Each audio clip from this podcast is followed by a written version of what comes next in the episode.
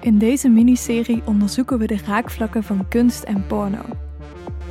Kan iets zowel kunst als pornografie zijn? Mag je het lichaam puur als object beschouwen? Wat betekent het om sexy te zijn? En ben je vrouw onvriendelijk als je van porno geniet? We onderzoeken het samen met filosofen Petra van Brabant en Hans Maas.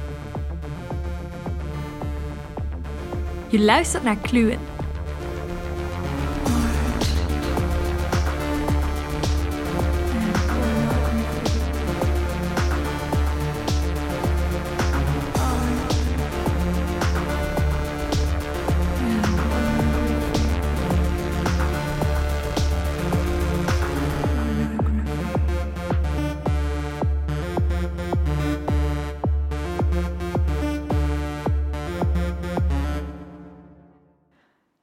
In zowel kunst als porno zien we een bekend beeld terugkomen, stellen Hans en Petra vast.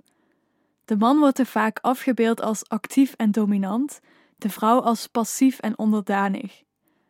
Ook in ons stereotype denken over seksualiteit zien we die hardnekkige beelden weerspiegeld. Wat voor relatie is er tussen onze beleving van seksualiteit en de beelden die we zien in zowel kunst als porno? Bepaalt wat we sexy vinden wat we afbeelden in kunst en porno?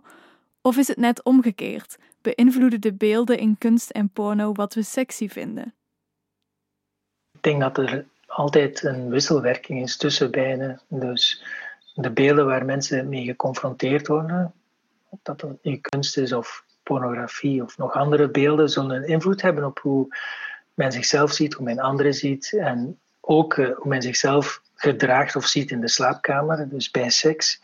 En natuurlijk ook de manier um, waarop we seksualiteit beleven, zal ook um, bij de makers van beelden dan een invloed hebben op welke beelden zij maken, bij de kijkers van uh, beelden, de toeschouwers van kunstwerken, zal het beïnvloeden welke werken zij zullen uitzoeken of vooral aandacht aan zullen schenken.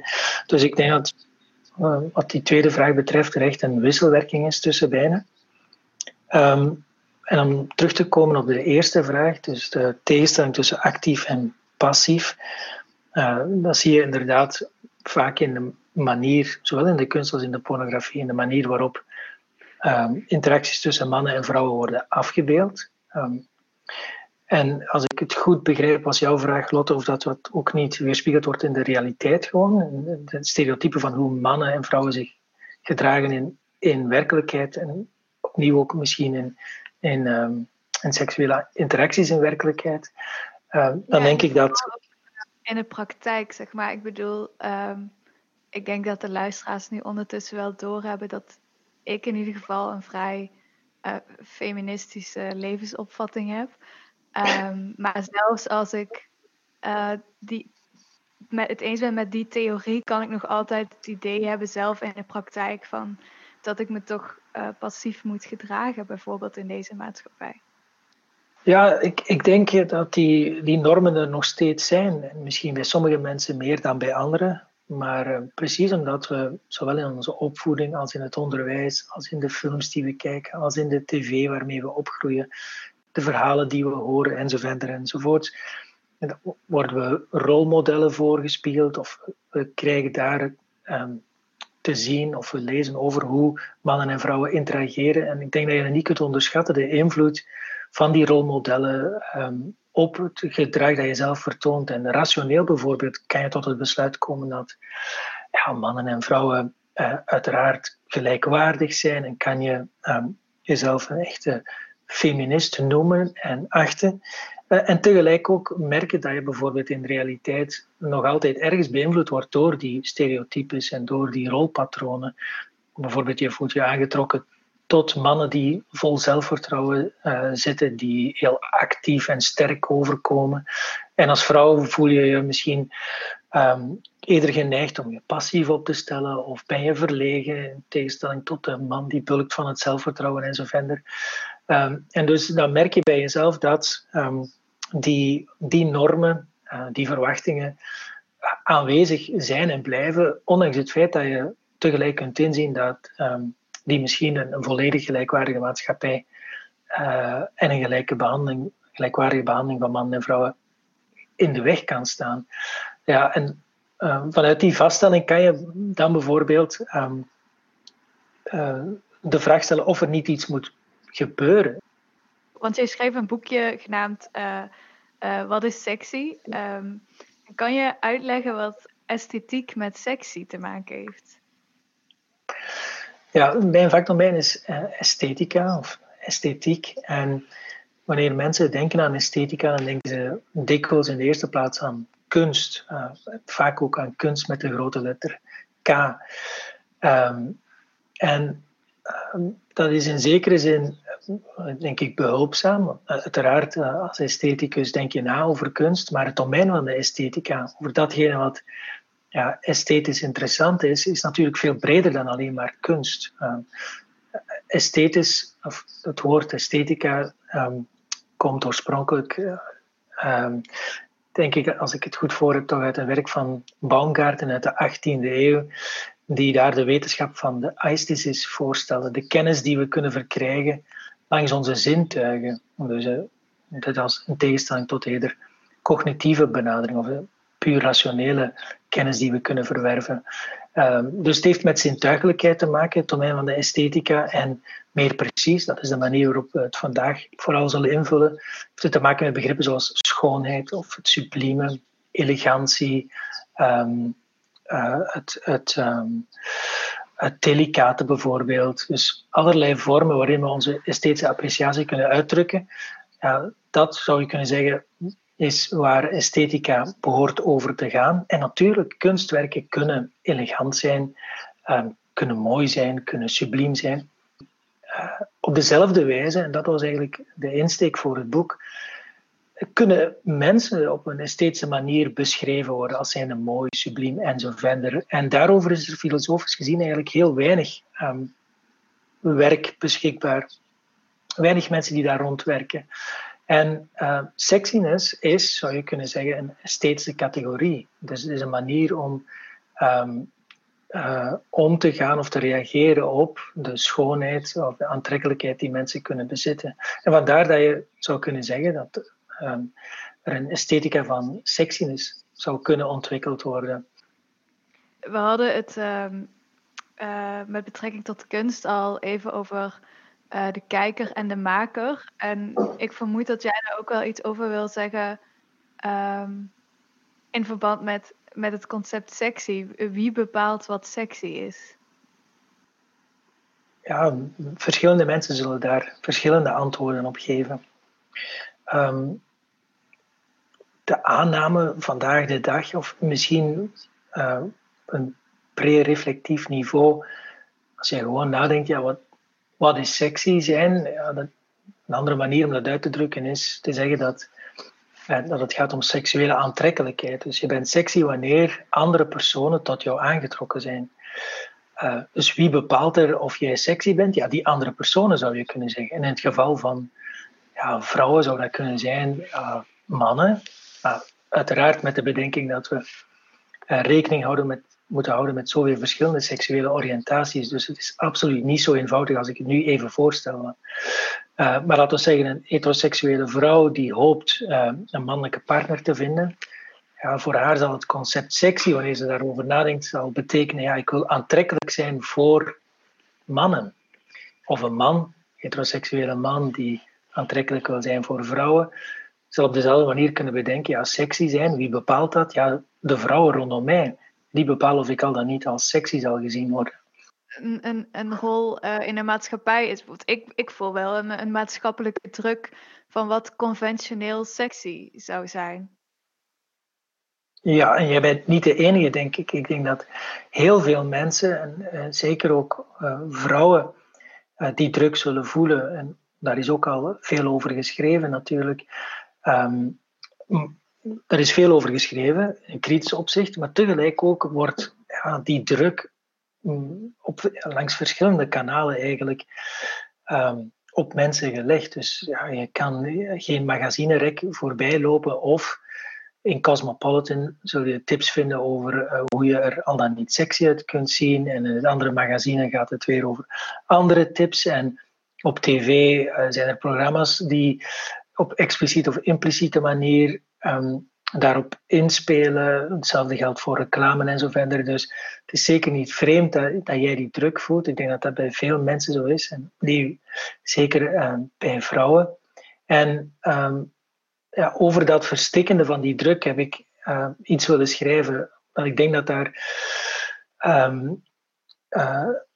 um, uh, een vorm van ongelijkheid in. Dus die druk ligt op een disproportionele manier bij vrouwen en niet bij mannen. En ik denk dat er op, um, dat er een soort van misconceptie rondom sexiness hangt, die denk ik, mits dat die opgeklaard wordt, dat ook iets kan verhelpen aan die druk. Um, maar ik, zoals ik al gezegd heb, ik heb daar een boekje over geschreven en ik heb daar allerlei bedenkingen over. Maar um, nu dat Petra hier ook is, als deel van het panel, ben ik ook wel benieuwd naar, naar haar perspectief. Want op zich hebben we over sexiness nog niet veel gesproken. Nee, ik heb natuurlijk Hans zijn boekje gelezen, hè. uh, waar ik veel uit geleerd heb. En dat is natuurlijk ook een van de dingen, uh, een van de dingen waarom ik uh, graag met uh, Hans samenwerk en, en graag uh, naar Hans luister. Is ja, in de eerste plaats, ik zou niet kunnen samenwerken met iemand die geen feministisch filosoof is. En, en voor mij is Hans feministisch filosoof en dat staat, zit heel sterk in dat boekje. Uh, maar ook niet iemand die, die klas, klassistisch denkt, die dus um, blind is voor, voor, voor klassen en, en, en hoe dat ons denken bepaalt. En ook dat zit voor mij sterk in, in, in alles wat, wat Hans doet, maar ook uh, in, dat, in dat boekje. En ook iemand die echt ervaring heeft met, met kunst in allerlei vormen. Dus niet een filosoof die vanuit de zetel over kunst uh, praat. En ook dat, dat zie je in, in dat werk. Het wordt heel levendig gemaakt en het wordt heel concreet gemaakt. En ik heb er dus veel uit geleerd. En in de eerste plaats, wanneer uh, Hans schrijft over de traditie van. Dus er is een soort van reactie op die druk, uh, Lotte, waar jij het over hebt, vanuit feministische hoek. Van, uh, we moeten zelf bepalen wat schoon is. We moeten uh, als vrouw ons, onszelf uh, mooi vinden. We moeten daaraan werken om, om ook als we niet conventioneel, niet volgens dominante codes mooi zijn, ons ook mooi te vinden, ons ook sexy te voelen. Wel, dat heeft zijn limieten. Dat, heeft, dat is natuurlijk een belangrijk iets, maar het heeft zijn limieten op, op verschillende manieren. In de eerste plaats dat het natuurlijk niet zo is dat je, we zijn sociale wezens en je bepaalt niet zelf wat, wat schoon is.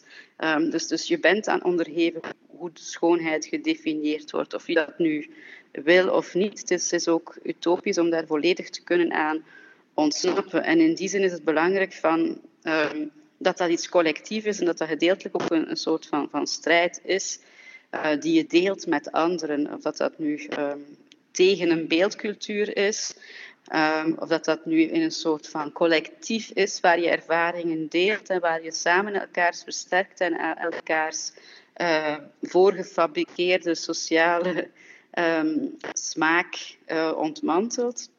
Maar um, daarnaast denk ik is het belangrijk om gewoon andere beelden te maken.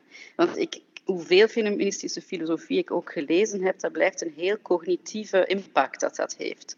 Um, en, en, en vandaar ook met mijn interesse in, in, in pornografie, maar, maar niet, niet zozeer in mainstream pornografie. Ook al zie ik daar wel de aantrekkingskracht en de viscerale, het lichamelijke effect van. Maar in pornografie, die, die ook andere beelden uh, maakt. Andere manieren van kijken uh, naar, naar, naar seksualiteit, naar het lichaam van de ander, het lichaam van jezelf. En ik zou er nog durven aan toevoegen zelf. Niet altijd, het klinkt misschien een beetje contradictorisch, maar niet altijd het kijken centraal stellen in hoe we seksualiteit beleven, maar ook op, op de andere zintuigen inspelen. Het gaat ook, en niet alleen op zintuigen, maar ook op een soort van um, movement, beweging inspelen. Seksualiteit is, en verlangen wordt ook opgewekt in beweging. Wordt niet alleen opgewekt um, via het, het, kijken. En, en we hebben een enorme dominantie um, in onze cultuur op, op het zintuig, het zintuigelijke van, gedefinieerd als kijken is super dominant, is natuurlijk ook um, enorm dominant, omdat het een, een, een goede tool is. Het is een tool geweest van, van onderwerping. Ehm, het is een tool van objectivering, dus die, die nadruk of die dominantie van, van, die, van het zintuig van het kijken in onze cultuur is ook niet onschuldig. Um, maar, maar, je kan dat dus effectief wel ontregelen, dat, dat, dat specifieke kijken, uh, zoals het in onze cultuur geconstitueerd is, als kijken naar een object dat gerepresenteerd wordt, kan je ontregelen door geen object weer te geven. Als je denkt aan het werk van Caroline Schneeman in haar uh, film Fuses, ik, ik, wil dat echt pornografie noemen, maar je ziet geen object, je ziet geen, je ziet geen menselijke vormen met duidelijke contouren die je dan tot een object kan reduceren. Dus je krijgt beweging, je krijgt, um, je krijgt fluiditeit, je krijgt bijna een soort van um, wat ze noemen haptische cinema. Cinema die je lichaam in beweging zet, die je bijna doet dansen als kijker. Wel, dansen als kijker is iets anders dan u doen kijken als kijker. En, en dat vind ik heel belangrijk daarin, om, om naar die sexiness terug te komen. Uh, ken je dat gevoel als je danst en dat je je sexy voelt en dat je eigenlijk niet meer weet hoe je eruit ziet? Wel, sommige beelden kunnen dat effect hebben, denk ik. Um, en, ik denk dat die leerschool van die beelden daarin belangrijk zijn. Um, geluid en beeld samenbrengen, waar de dominantie van het geluid uh, effect heeft op je lichaam. Um, in pornografie speelt men ook wel echt heel hard met het geluid. Als je het geluid zou afzetten bij pornografie, dan is het eerder comedievak. En heeft het ook een goed effect. Hè? Dan moet je lachen. Dat is ook een lichamelijk effect. Maar het is niet beoogde lichamelijke effect. Dus we onderschatten, denk ik, het, het effect van, van geluid in pornografie en van geluid op ons uh, kunnen sexy voelen.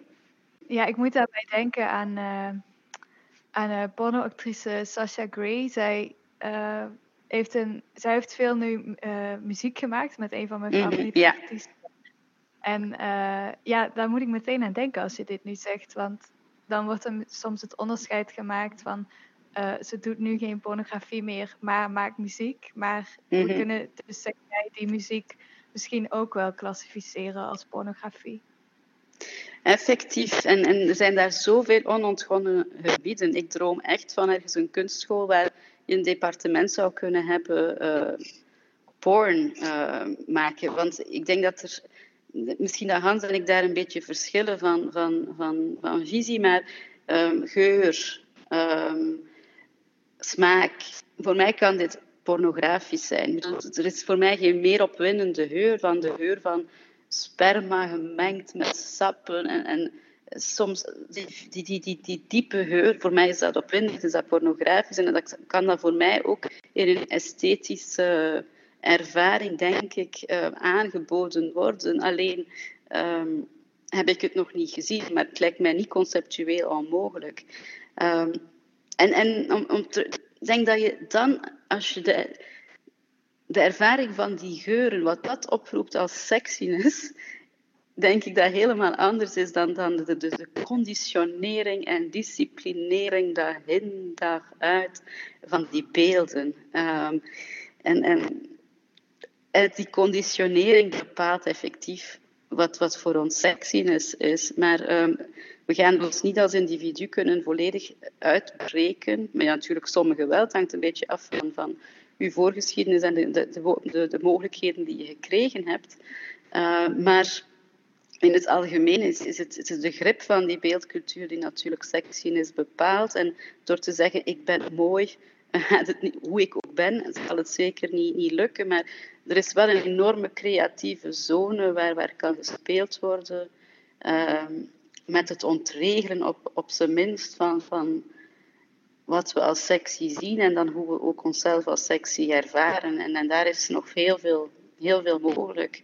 Het, het, en het bestaat ook gedeeltelijk. Het spijtig is dat veel jongeren er geen toegang tot hebben, maar dat is minder te, te, maken met dat het er niet is of dat het niet mogelijk is, maar heeft te maken met, met hoe um, cultuur werkt en hoe het een, economische en, en, kapitalistisch winstgevende sector is en de dominantie en circulatie en de distributie van beelden daarin.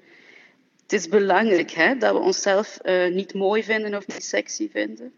Dat is heel, heel belangrijk voor, voor het kapitalistische systeem. De, de, de, de make-up-industrie is een miljardenindustrie. De fashion-industrie is een miljardenindustrie. En, en daarvoor werken we ook hè, allemaal als vrouwen, om, om daar heel veel in te investeren. Dus het is een soort van, van uh, interessant uh, systeem. We, we, werken allemaal, we hebben de meesten onder ons uh, werken momenteel, uh, sinds de jaren 50, massale toegang tot de arbeidsmarkt. Niet altijd in de jobs die we willen, maar wel net genoeg om te kunnen die massaproducten kopen. Ehm, denk aan de gilettenmesjes, hè, om ons allemaal te ontharen. Het is niet toevallig dat gladde benen sexy zijn. En dat we continu gladde benen gezien hebben.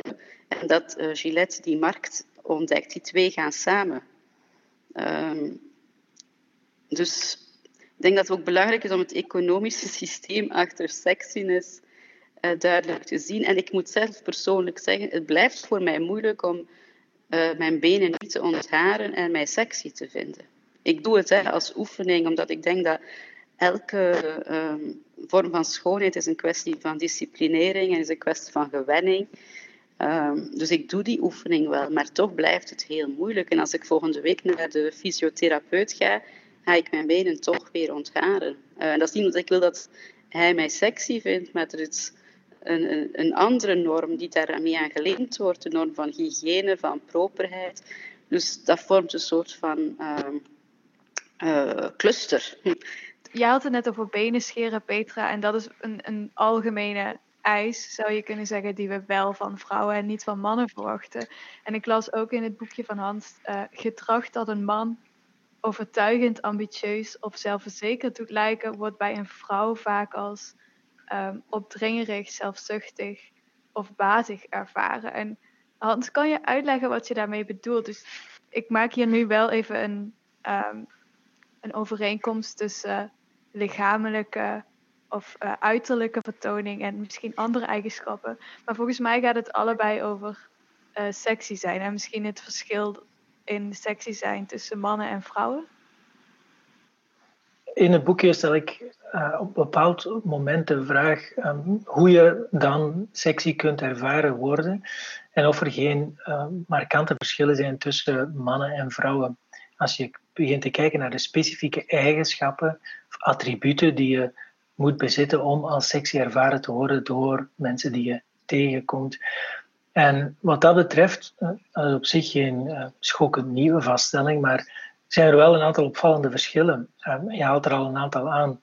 Dus bijvoorbeeld, um, mannen zullen dikwijls als sexy ervaren worden wanneer ze zelfvertrouwen of assertiviteit aan de dag leggen, ambitie, durf.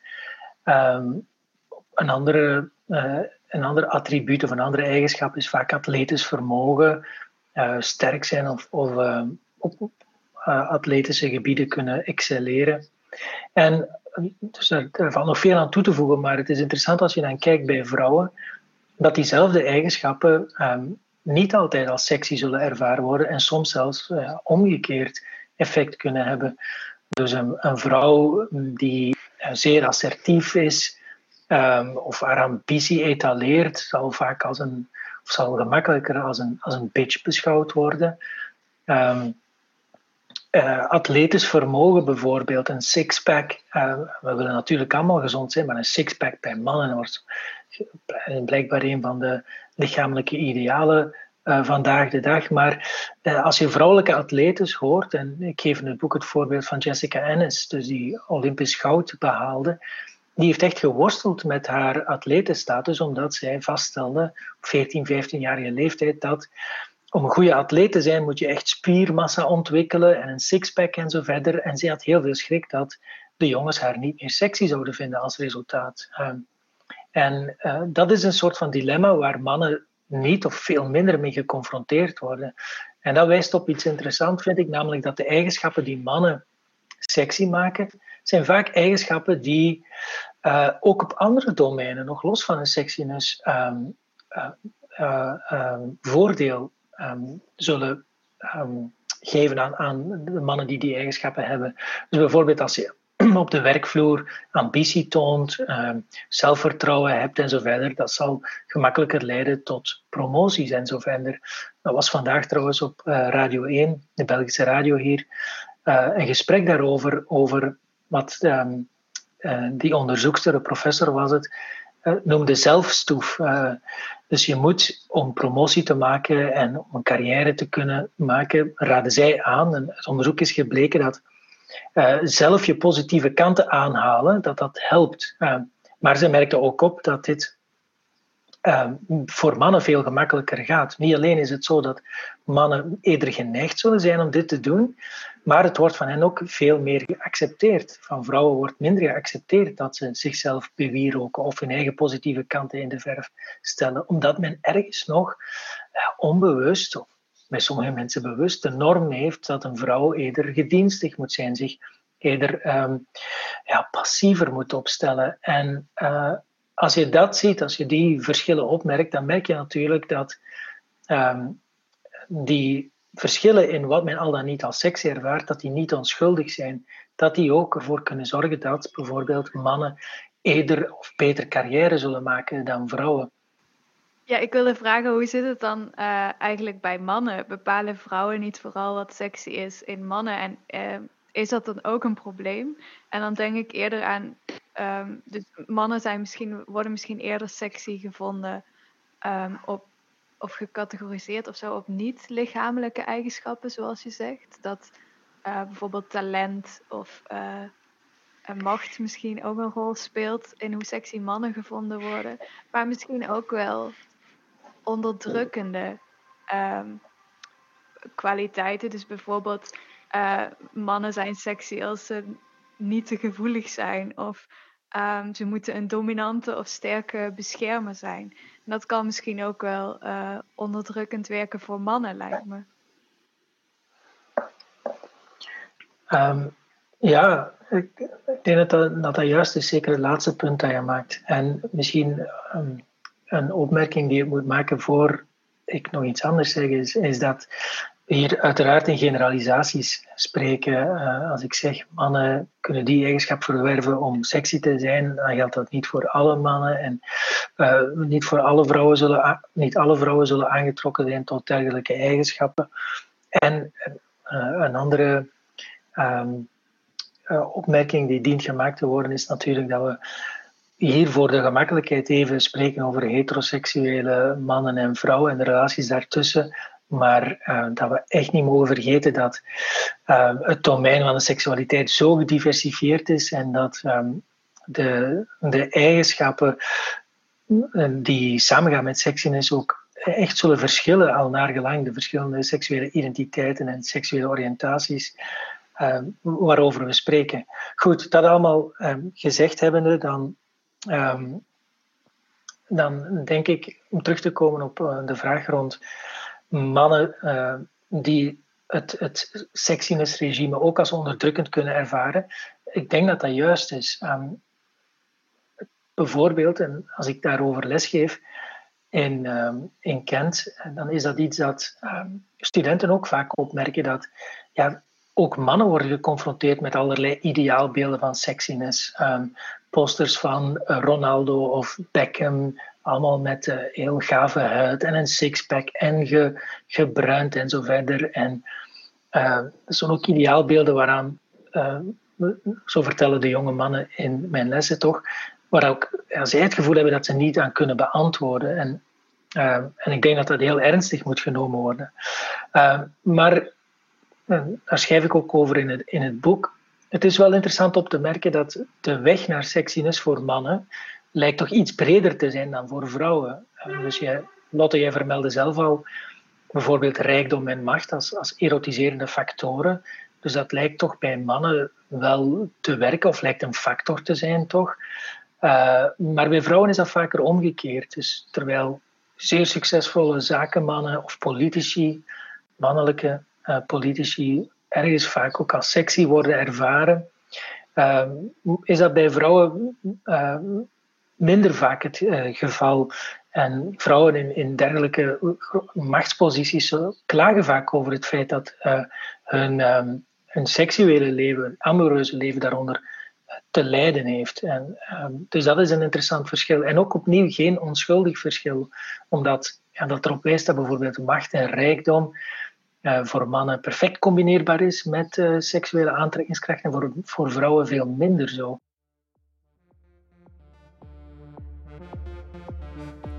Dit was deel 3 van de miniserie van Kluwe Kunst en Porno. In de volgende aflevering gaan we dieper in op de verhouding tussen macht en sexiness. En vandaar ook dat het als man ehm, tijd kan kosten voor je doorhebt dat uh, de realiteit niet voor iedereen op dezelfde manier werkt en dat niet iedereen op dezelfde manier gepercipieerd wordt. Wat zijn die normen van vrouwelijkheid, hè, waar ze het over heeft? En dat brengt u dan naar de vraag van die sexiness, moeten we dat niet altogether opgeven, dat concept? Uh, ja, waarschijnlijk wel. Maar op, dat is ook wel een, een heel moeilijke. Want natuurlijk, iedereen wil verlangd worden op een of andere manier.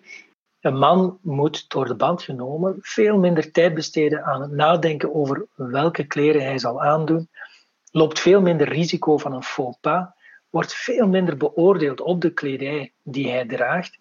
En dat is maar één heel klein voorbeeld van hoe uh, je als man ergens toch een voordeel kan hebben, gewoon omdat je een man bent, uh, wanneer het komt op aantrekkelijkheid of je aantrekkelijk kleden. En dat valt echt niet te onderschatten, dat de tijd, de energie, het geld die vrouwen moeten spenderen aan gewoon ja, de, de, gepaste kledij uitzoeken om op een bepaalde manier gepercipieerd te worden. Je hoort het in aflevering 4, Sexiness en Macht. Bedankt aan Petra van Brabant en Hans Maas en aan Anne Lucassen voor het beeld. De muziek is een samenwerking van Koen Huis van The Anesthetics en Liz Starling. Wat vond je van deze aflevering? Praat mee op onze sociale media. Welke inzichten kreeg je en met welke vragen blijf je zitten? Laat het ons weten. Als je wilt dat meer mensen naar Kluwe luisteren, geef ons dan een recensie in Apple Podcasts. Dat maakt ons beter vindbaar. Je kan je ook op Kluwe abonneren in Spotify, Soundcloud of andere apps. En natuurlijk deze serie delen met die ene kunstzinnige of sexy vriend. Dankjewel.